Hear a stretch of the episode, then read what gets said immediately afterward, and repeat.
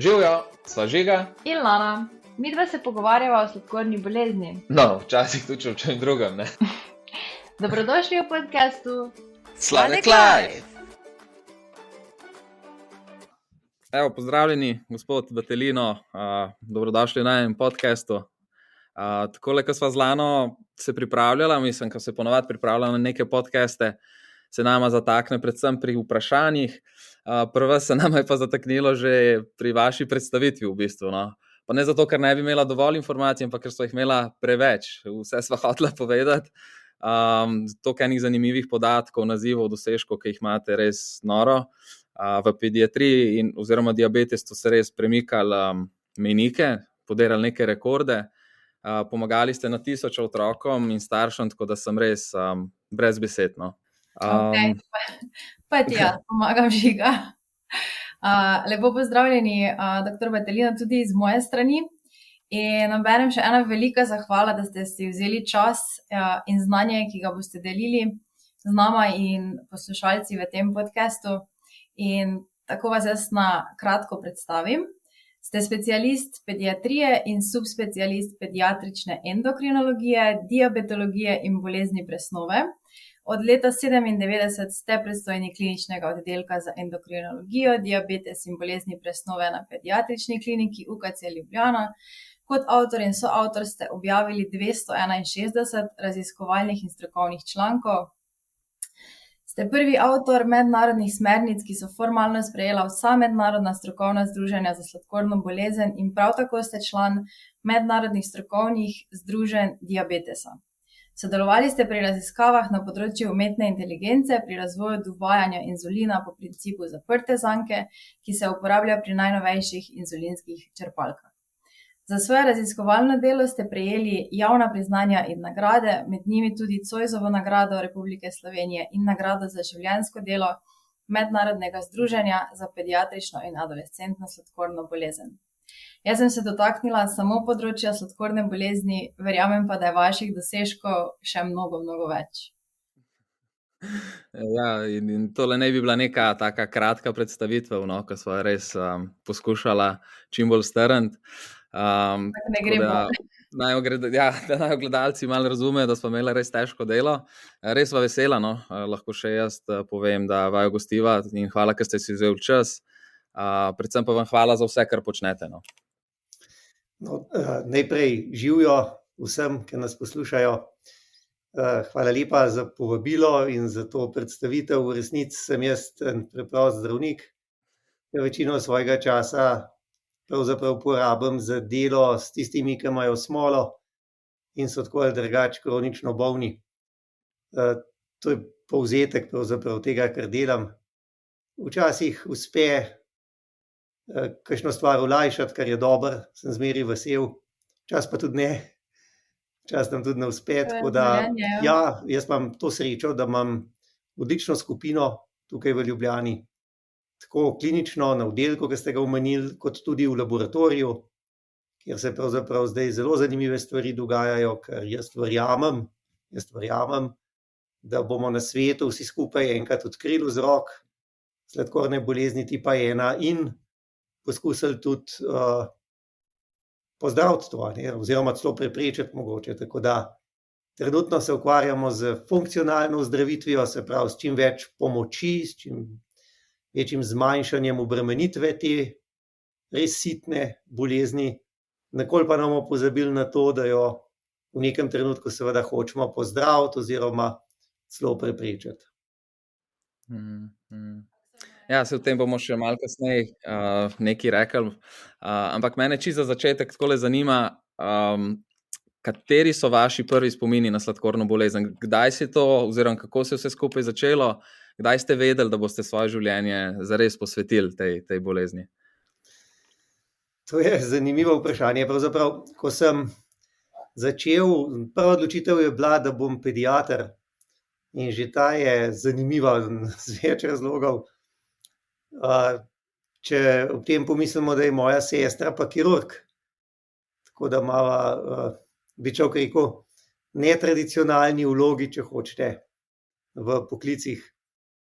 Ampak prva, prva taka zelo jasna odločitev, da je to bolezen, kjer je treba nekaj narediti, je bila prva poletna kolonija takrat še v Kraljevici. Slovenija ima verjetno eno najdaljših tradicij poletnih kolonij na svetu. Začel jih je profesor Matajc skupaj z primarji Ljubico Brus.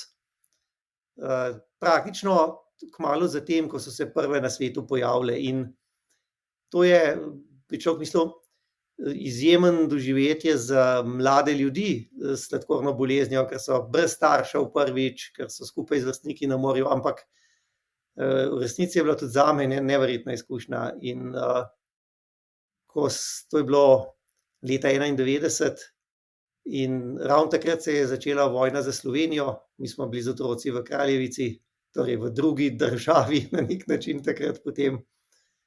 Uh, tako da sem videl, da je klet treba kakšno stvar narediti. In vse ostalo je bila potem skupna pot, 30 let dolga, pravzaprav z temi mladimi ljudmi, sladkorno boleznijo, z družinami. In seveda, jaz nisem bil edini, ki sem to opazil, in po svetu je veliko odličnih centrov in ljudi. Jaz sem imel to srečo, da sem kar dober del svojega izobraževanja preživel v tujini in uh, pač tam spoznal ljudi, ki so potem ali skupaj z mano to mednarodno skupino osnovali, in uh, smo imeli srečo, da so se stvari lahko premaknile. Mhm. Ja, zanimivo, kako v bistvu um, se glih eno vprašanje bilo tudi to, če, če navežem. Uh, kako, pa, kako ste pa sodelovali s tujino? Vem, da velik del vašega dela sega tudi v tujino. Um, kakšne, mislim, mogoče kakšne prednosti ali pa slabosti iz tujine, kako sploh uh, poteka uh, neko povezovanje na tem nivoju? Vse tujina je širok pojem. Jaz mislim, da tujino moramo razdeliti na Evropsko skupnost, a ne kjer je del smo, hvala Bogu, kjer so razmere zelo podobne našim na nek način.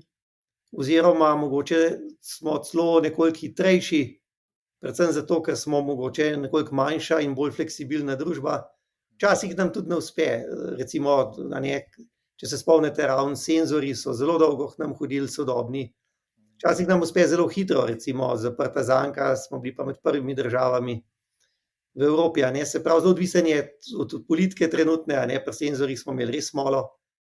Uh, tako da pa je potem se pravzaprav uh, s pomočjo staršev.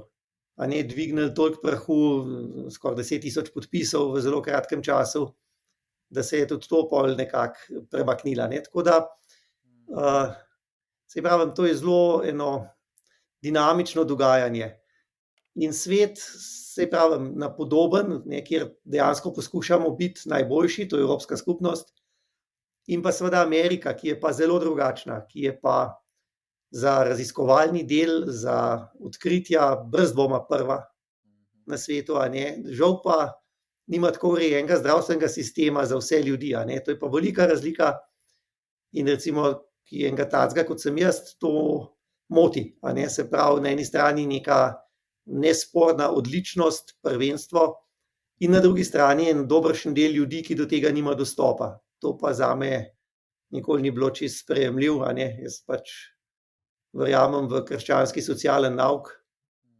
In seveda se veliko lažje pogovarjam v sistemih, kjer imamo ljudje približno enake možnosti in pravice.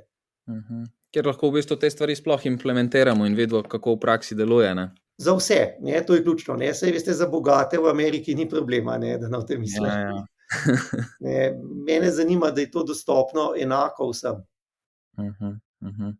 Se jaz, tako, um, ko sem se povezala z ljudmi, oziroma z drugimi diabetiki, diabetiki iz Anglije, Amerike, sem se dolgo časa spraševala, zakaj raje uporabljajo injekcije. Ne? Nisem sploh pomislila na to, da njihov dostop do inzulinske črpalke ni tako enostaven, kot, kot je pri nas, in kako je dokaj samoumevno, da so nam preko zdravstva omogočene vse stvari, če si seštejem najmesečne stroške kako mi je to vse skupaj olajšano, kljub temu, da je Amerika v takem prednosti, kot ste rekli, ampak um, kar se pa pol posameznika tiče, pa smo mi na, bi rekla, na svetovno zelo visoki točki. Ja, zdaj imamo zelo zanimivo srečo, ne? ta črpalka, ki jo mi zdaj uporabljamo, 780G, ta napredna zaprta zanka, recimo v Ameriki še ni na trgu. Tako da, kljub temu, da je to ameriški proizvod, ne? zaradi spleta okoliščin, ker smo raziskave v Evropi delali, smo pravzaprav našim ljudem omogočili prej, kot je to dostopno v Združenih državah. Sam kot zanimivost povem. Uh -huh, Ne, tako da včasih se tudi obrne, kar se zdi meni uh, na nek način, uh, če hočete, ne, da v bistvu uh, uh, oni to proizvedejo, razvijajo v sodelovanju, a ne. Uh, pa pa mi prej dobimo, kot recimo Amerikanci. ja, ja. To je res vprašanje politike, potem že. Ja. Če smo se zdaj ravno dotaknili tega zdravljenja, um, je v bistvu vseeno velika razlika um, v razvoju, kako je bilo zdravljenje včasih in kako je bilo danes. Kakšna je mogoče primerjava tistih začetkov, um, če sem vas prav slišala, 30 let nazaj, um, zdravljenje torej sladkornega bolnika napram danes. Če ne vem, mogoče primerjamo diagnozo takrat in danes, koliko je lažje, koliko je težje. Veste, kako je? Uh, to jaz težko povem in to najboljš povejo pravzaprav ljudje s sladkorno boleznijo, ki so z nami začeli kot otroci, pa so danes odrasle osebe. Recimo, mi imamo celo vrsto odraslih oseb, ki nam pomagajo še vedno uh, s sladkorno boleznijo, ki so bili nekoč z nami. In uh, celo en med njimi je en zelo luškan muzej na našem oddelku postavil, ki ga imamo zdaj v tisti sobi, kjer je šola. In tam so razstavljeni pripomočki izpred 30 let, ki so recimo izvlečna igla za inzulin, in pa potem igla za ubrizgavanje inzulina in brusilni pribor, ker je seveda bilo to treba kuhati in brusiti. In če ste to kdaj videli, ne, potem to je nepredstavljivo danes. Veste, to je danes popolnoma nepredstavljivo, da bi si ti mogel iglo vsakič uh, pravzaprav prekuhati in jo naostriti za naslednjo uporabo. Mhm. In če gledate, da včasih smo sladkor določali tako, da smo kuhali Benediktov reagent, zmešan z urinom in primerjali barvo. A ne potem, seveda, ko so prvi merilci za merjenje EMS-ovi v krvi prišli, a ne je bila to popolna, nepredstavljiva, če hočete, sprememba. Ne? Tako da tehnologija pravzaprav je res na področju sladkorne bolezni zelo, zelo veliko stvari spremenila. Mogoče, seveda, je težko rečemo, ali je to zmanjšalo obremenitev ljudi s sladkorno boleznijo, mogoče do nedavnega ne. A ne, je pa bistveno, bistveno spremenili shode sladkorne bolezni, se pravi, amputacije v končin grejo dol, retinopatija, se pravi, česno ozadje gre dol. Ne, pravi, vse te stvari, ki, se jih ljudje najbolj bojimo, ne, na obeh straneh, če hočete, to pa seveda, ne, to se pa, to se je pa drastično izboljšalo. Medtem ko seveda z vsemi temi dodatnimi pripomočki obremenitev bolezni pa mogoče bila celo večja. Do seveda tega trenutka, ki je res ta avtomatizacija se nekako zelo zares začela. No, s tem pa se zdi, pa, da vendarle se pa tudi breme no, te bolezni nekoliko manjša, saj tako povejo uh, ljudje in tudi seveda starši. Tako da ne vem, če imate vidva izkušnje z uporabo napredne zaprte zanke, mogoče lahko to boljš povesta kot jaz. Ja, sej, to, se, to se nama tudi zdi eno tako zelo pomembno vprašanje. Um, mogoče se lahko naveže s tem psihičnim zdravjem oziroma nekim duševnim zdravjem potem, ne? ker vsi zdravniki in starši in celotna družba nekako pričakujejo diabetika, da se bo res potrudil, da bo imel prehrano v nula urejeno, da, imel, da si bo meril sladkor šestkrat na dan, usklajeval s senzorjem, ni dovolj senzor in tako naprej. In to je res veliko enega dela, ne? samo za to urejenost. In mene se doskrat vprašam, kje je mogoče tista zdrava meja med um, ukvarjanjem torej, s tem tehničnim delom, pa potem poslušati svojo, svoj razum, svoje srce in pojesti, kdaj kakšno sladkarijo se pregrešiti. Um, ali lahko od teh ta mogoče tudi tisti krov, pa si mogoče na koncu življenja bolj zdrav, mogoče. Ne, ne vem, kakšen, kakšen pogled imate vi pri tem. na to, A no. kako je človek, ki starata, vidi, da smo ljudje v resnici različni. A veste, in vsak eno svojo pot najde, in jaz mislim, da je to edin prav. To se pravi, jaz nikoli nisem prav zelo razumel uboganja. Že kot otrok ne, če sem čisto odkrit. In jaz mislim, da mora človek neko svojo pot najti. Ne? Seveda, pametni ljudje poslušamo na svete. Se pravi, če ti nekdo resno reče, da je bolj, da se temu in temu izogibaš, je to na svet. Zdaj, kjer človek se sto procentno drži vseh na svetu, bi ga jaz rad videl. To se pravi, da seveda, ne, ljudje z kroničnimi boleznimi ostajamo ljudje in se odločamo.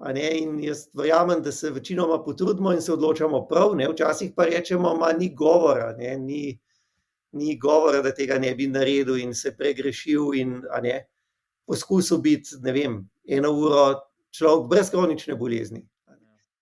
In to je normalno. Ne? In tle je vse odvisno od, od ravnotežja, koliko nam uspe neko ravnotežje med tem, ne, samo podobo ne, in svojim zadovoljstvom uskladiti z zahtevami, recimo, kronične bolezni, ki jo imamo. Sladkorna bolezen je problem v tem, da je res sitna kronična bolezen. Sitna, ker praktično ne moreš sprejeti odločitve, ne da bi na sladkorno pomislil. In zato sem jaz vedno bolj prepričan, da je edina umetna inteligenca, to se pravi, da to, da je treba pomisliti, preložiš na mašino. Ja, ja. Je nekaj, kar dolgoročno šteje. Ne sto procentno, ker to zaenkrat še ne znamo, ne, se pravi, ampak zunaj obrokov, pa po noč, ne, pa zdaj res vemo, da dela. To se pravi, ne, ko greš spat, ne, ali mama, če imaš otroka, ali pa sam, če imaš tako na bolezen. Ok, rečeš, le, zdaj gremo vse mora spat in vem, ne, da bo to naredila mašina. Ja, ja. To so te koraki, ne, ki, po mojem mnenju, videnju, a ne zmanjšajo to obremenitev, da lahko en del svojega sicer dneva s sladkorno boleznijo, ki jo imaš dost do nebesa, ne, preložiš na mašino. Ja, ja. tukaj bi res, um, to, mislim, se to, to vsi delamo na tem. Ne. Je pa res, da se potem. Uh, Recimo, jaz sem imel pomisleke, že, če se dotaknemo te inzulinske črpalke. Jaz sem zelo dolgo ustrajal, šest let na penih, uh, pa sem jo že v, v, svoj, v svojem drugem letu uh, sladkorne bolezni, mi je že doktor Bratina priporočila in uh, hotela nekako um, zloberati, da jo imam, ampak ji ni uspelo in sem šest let ustrajal na penih, ker sem imel nek občutek. Um, Da bom odvisen od nečesa. Ne. Sej potem, ko odrasteš, čez čas vidiš, da je to bil zelo neumen pomislek, in, in uh, zakaj ne bi bil odvisen od nečesa, ki ti lahko, kot ste rekli, prevzame neko uh, skrb. Um, ampak še vseeno me zanima, kako vi to potem uh, otrokom tako stvar razložite, da, da neka črpalka, mislim, kako ga sploh pri, pripravite zdaj, zdaj na neki tasga. Veste, večina, moram reči, ne, po naših izkušnjah, pa tudi po izkušnjah te svit baze podatkov, nekaj ima zdaj 90 tisoč otrok noter, večinoma to ni problem. Res, večinoma ni problema. Ne. In uh, Čas, veste, so bili še drugi časi, vsi smo poročeni, ne, sem skoraj dve, komaj poročen. Imam benga problema, da moram poslušati, pa, ne, pa sprejeti odvisnost in gledati, to je bilo čas malo lažje razložiti. Danes je vse nekam čuden, ne. Se vidite, sam poslušajte, kaj vse se je med COVID-om dogajalo, ne, in nisi z neko pametno linijo pršil česa, ne, nisi, zelo težko. In jaz, predvsem, ne ljudi, če se da, nasilim. Jaz povem, kaj mislim, da je boljš, če se da, se zmenim, da poskusijo, da sami vidijo. Zdaj, ajte, če pa nekdo noče, pa noče, ne? če ni za življenje rešiti, ne? kaj češ. Veste, dejstvo je, ne, da vsak adolescent, ne, pravzaprav adolescenca, je del odraščanja. To je, to, je, to je fiziologija, to ni nekaj narobi s človekom, da je v puberteti, ne, to je normalen. Ne. Ja. In ta občutek, da moš takrat po svoje delati, je pri ljudeh zelo različno močen. Eni ga imajo šlohcenga, eni pa izredno močnega. Ja. In tam zasiljanjem, ne tako, precej dokazano, ne upraviš nič. Ne, in tudi z grožnjami, ne, ne vem, čas me, ja, boš pa slep, ja, in kaj pol. Ne. Ne, to ne dela, mislim, to, ne. Tako da jaz mislim, da se največ naredi pri mladih ljudeh s prijaznostjo, pa z tem, da imajo občutek, ne, da ti ni vse en za njih. Ne? In če enkrat dobijo ta občutek, da ti ni vse en za njih, po mojih izkušnjah, kar sodelujejo. No? Jaz večinoma se pravim uh, z mladimi ljudmi, kar dobro. Ja. Ja, Doskrat sem jaz dobil res mogoče, zdaj, ki ste, ste omenili, sem dobil preblisk, da na začetku, ko sem zbolel za sladkorno, res nisem verjel, da zdravniki razumejo moje stanje, da razni, zdravniki razumete, ja kaj jaz res občutam, kako se sploh počutim. In potem čez čas, ne, sej, ko si, ko dozorevaš, ko um, nekako nekak začneš zaupati. Ampak na začetku je res težko. Ne? Kako bo en, en človek, ki ni preživel dneva v taki vlogi, ki jo jaz preživim, razumel in mi sploh pomagal? Ne? Lejte, ne, in, in ta pomislek ni samo, to ni značilnost človeka s sladkorno boleznijo, to je značilnost adolescenta. Ne. Vsak adolescent bo rekel: Pa kaj bo meni ta star govoril, ki tako pojma nima, kaj jaz doživljam. Ja. To je šolski primer, a ne adolescentne reakcije na kakršen koli na svet. ne. In zdaj, če to veš, ne, pol ni sladkorna nobena izjema, ne jasen. Ne. Jaz ne vem, ne, kako je sladkorna, ne vem, ne, kako se živi, ne vem, ne, kaj je danes mladost, pojma nimam, kaj je moda, še manj, kaj je muska. Ne, Ja, ja. gotov, ne. In seveda, ta stanje, ki je, še enkrat povem, normalen, to je fiziologija, ne, je, se da preseči v resnici samo z pozitivnim odnosom. Ne. Ne, ker adolescenti, po drugi strani, ne, so pa seveda izredno občutljivi, senzitivni. In če, če se jim lahko na ta način približaš, so pa brez dvoma pripravljeni poslušati. Ne. Tako da je vprašanje, a ne, razvitja, vzpostavitve tega, tega kontakta. Ne. In če to uspe, ne, pol seveda zadeve grejo. Ne. Je pa res, da včasih so pa obdobja, ne, ki se to nekako ne da, pa je treba potrpeti, je treba počakati. Sej, mislim, včasih v življenju zmer treba malo počakati, ne, da, se, da se kaj zgodi. To je najtežje. Ja. Zdaj, mogoče uh, ob tem sem pomislila malo, mogoče sicer retorično vprašanje, če vprašam, na kak način um, pa v bistvu svetujete oziroma pomagate staršem, ko njihovi, ko otrok zboli. Ne? Ker pri starših, če tvoj otrok zboli, zagotovo je ena velika stiska in panika, koliko se spomnim svojih staršev, tudi žiga, koliko sem tvojo mami slišala. Um, kaj bi rekli, da so tisti začetni strahovi, s katerimi se starši soočajo na začetku, in um, poleg tega, torej prijaznega odnosa, uh, kak je vaš kaj jim vi, na kak način jim takrat pomagate? Da to... Veste, jaz mislim, da je takrat pomembno, da date dolgoročno vizijo. Ne? Ker človek zve, a ne, da ima otrok sladkorno bolezen, seveda same te najslabše stvari pomisla. Ne? In jaz mislim, da je ključno, da da dolgoročno vizijo, da, da se takrat najprej starši povedali, da je hudo. Ne? In to je res slaba novica, to je bomba. Ne? Ampak, ne, to se bo uredilo in današnje možnosti, a ne, zanesljivo omogočajo enako dolgo življenjsko dobo, ta otrok vam bo domov vnuke prinesel, šola bo normalen končal, športom se bo ukvarjal. Ne? To se pravi, veste, to dolgoročno vizijo, a ne, pravzaprav treba pokazati, ja je hudo, ja je slaba novica, brez dvoma, ne, ampak na dolgi rok pa v bistvu gre veliko boljš, kot na začetku zgleda. In to se mi zdi mogoče najbolj pomembno sporočilo. Ja, kaj je Lana glih omenila, um, moja mama, ne, ko sem zbolel, ima zelo živ spomin, uh, kako se je kar skregala z dr. Bratino, da, ne, da jaz nimam sladkorne bolezni, da, da ne naredijo še par testov, da to gotovo ne drži. In um, recimo, me- zanima, se dogaja to pogosto ali je bila moja mama izjema tukaj, pa moram reči, da se mora malo umiriti v prihodnje. No, poglejte, a veste, človek zelo različno odreagira na slabo novico. Ne? In seveda, ena reakcija je pač upanje, ne? upanje ne, ne, da vendarle to ni to, ne, da morda pa ne, gre za gre. No, to je normalen. Jaz mislim, da je to normalen.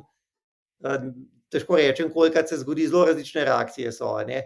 Ampak vedno ne, v tej fazi sprejemanja žalosti, ne tako enega žalovanja, slabe novice, je vedno tudi nek trenutek upanja, kaj pa če ni res. In to velja za raka, to velja za vsako bolezen. Ne. In pa seveda, ne glede na to, ali se še kaj dodatno naredi ali ne, samo po sebi se pravi, pride ne nazaj, da ok, lej, res je, ne, treba bo nekako sprejeti. Tako da jaz mislim, da je to nek, nek normalen proces, a ne sprejemanja slabe novice in žalovanja. Ne. Zdaj, ali to tako izražaš, da rečeš, hočem še tri teste, ne, ali si tih, pa si misliš, itak jutri ne bo več tako, to, to je nepomembno. Ne. To je v bistvu To je v bistvu nekaj, kar ne bi smel, recimo, nobenega eh, izkušenega zdravnika eh, presenetiti ali pa ne vem, vznevoljiti ali karkoli takega. ne. To je normalen del Ja, zelo slabe novice. Ne. ja, res je. Ja. Stekaj, lahko za hip prekinemo, že ta tretjič, dežuren sem pa manj klic, pa že Kar, kar. tretjič ista številka bom odgovoril. Prosim, Mhm. ja, povejte. Odlično, odlično 7-2, koliko bova dala? Dobro je, se upravičujem. A Je vse v redu. 7-2 je, 7-2 je v redu, ne? Kolikor se spomnim še. um, Okay. ja, uh, kje smo, kje Jaz- smo ostali? Jaz bi se mogoče vrnila malo na začetek, um, ko ste že vi omenili to um, ozdravitev. Uh, jaz sem tudi dosti, ko sem začela malo bolj na socialnih omrežjih um, širiti glas o sladkorni bolezni, sem dobila marsikatero ponudbo, ponudbo ali pa namik, da se tudi sladkorno tipa ena da pozdraviti. Uh, potem sem pa malo sama raziskovala o tem in sem z, z UKC Ljubljana na, na spletu našla en članek o tem, kako je v bistvu to zavajanje in da nekako gre za obliko sladkorne bolezni, ki se dobi kasneje v odrasli dobi in se lahko zdravi samo v prvih petih letih. In to vprašanje, kako je zdaj s to ozdravitvijo, mi je res ostalo uh, odprto. Ja, to mene tudi zanima. Jaz, meni vsi ponujajo, da bomo zdravi. No, tako Ja, da- samo tiste bolj zeliščna. Um, A veste, meni obljubljajo, da bom zmeri mlad, pa da bom večen živel, pa tako naprej. Ne. Sej to bilo super, ne. sam nič ne kaže v to smer. Poglejte, sladkorna bolezen je avtoimunska bolezen ne? in obstajajo variante, predvsem najbolj znana med njimi je lada, a ne to je kratica, ja, late onset, a ne diabetes, ne, eh, otroštva, če hočete, ki poteka v valovih. In to ne morete niti tako nič vplivati, kot ne moramo na vašo obliko bolezni. Ne. Ampak lada je v bistvu, ima obdobja, ko ne potrebuješ, lahko ne potrebuješ inzulina. In seveda ta nihanja, a ne ljudje izkoriščajo za propagando. Lade pri odraslem populaciji je do 30%. a ne.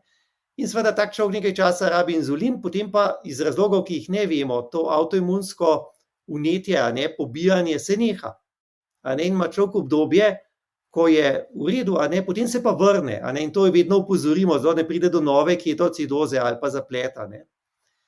Kar je zanimivo, je to, da se tudi začetek lade pomika po starosti navzdol. Tako kot se začetek sladkorne bolezni, ne, se starost niža, tako se tudi niža starost te oblike sladkorne bolezni. In zdaj tudi pri pubertetnikih že zasledimo izredno dolge remisije, ne, podobne ladi. To se pravi, dolga obdobja, ko otrok ali zelo malo, ali pa nič inzulina ne potrebuje. Ne. Še enkrat, potem se bo nekdo najdel in rekel, ja, to sem jaz tu zdrav. Ne. Lepo vas prosim, pojma nimamo, zakaj do tega pride. Vemo, Mhm. da pride, smo izredno veseli, ker ti del lahko odštejete od sladkorne bolezni, in vsi skupaj držimo pesti, da bi čim del trajali. Mhm. a ne. Ja. To je ta zgodba. In seveda, nobeno zeliščno, eh, vključno z marihuano ali ne vem čem še vse, a ne, seveda tega ne more spremeniti. Imamo pa zdaj pa raziskave klinične, kjer pa se dejansko preizkušajo zdravila, ki podaljšajo te faze remisije. To je pa dejstvo. In prvi članki tudi že kažejo, da so nekatera zdravila uspešna. Te raziskave potekajo tudi v Ljubljani, a ne smo del tega evropskega konzorcija. To pa seveda je zanimivo. In če bi te raziskave se izkazale, da gre dejansko za učinkovita zdravila, ki vsaj za nekaj časa dejansko odložijo začetek sladkorne bolezni ali pa podaljšajo to remisijo, ne, to bi bil pa že prvi korak ne, k temu, kar smo rekli, ne, recimo delni ozdravitvi. ne, In brez skrbi, ne. Ves čas smo center, ki od samega začetka sodeluje pri tem. ne, In če bi to raziskave pokazale, se bomo zelo potrudili, da bomo tudi med prvimi, ki bomo lahko to zdravljenje ponudili. Mhm, mhm.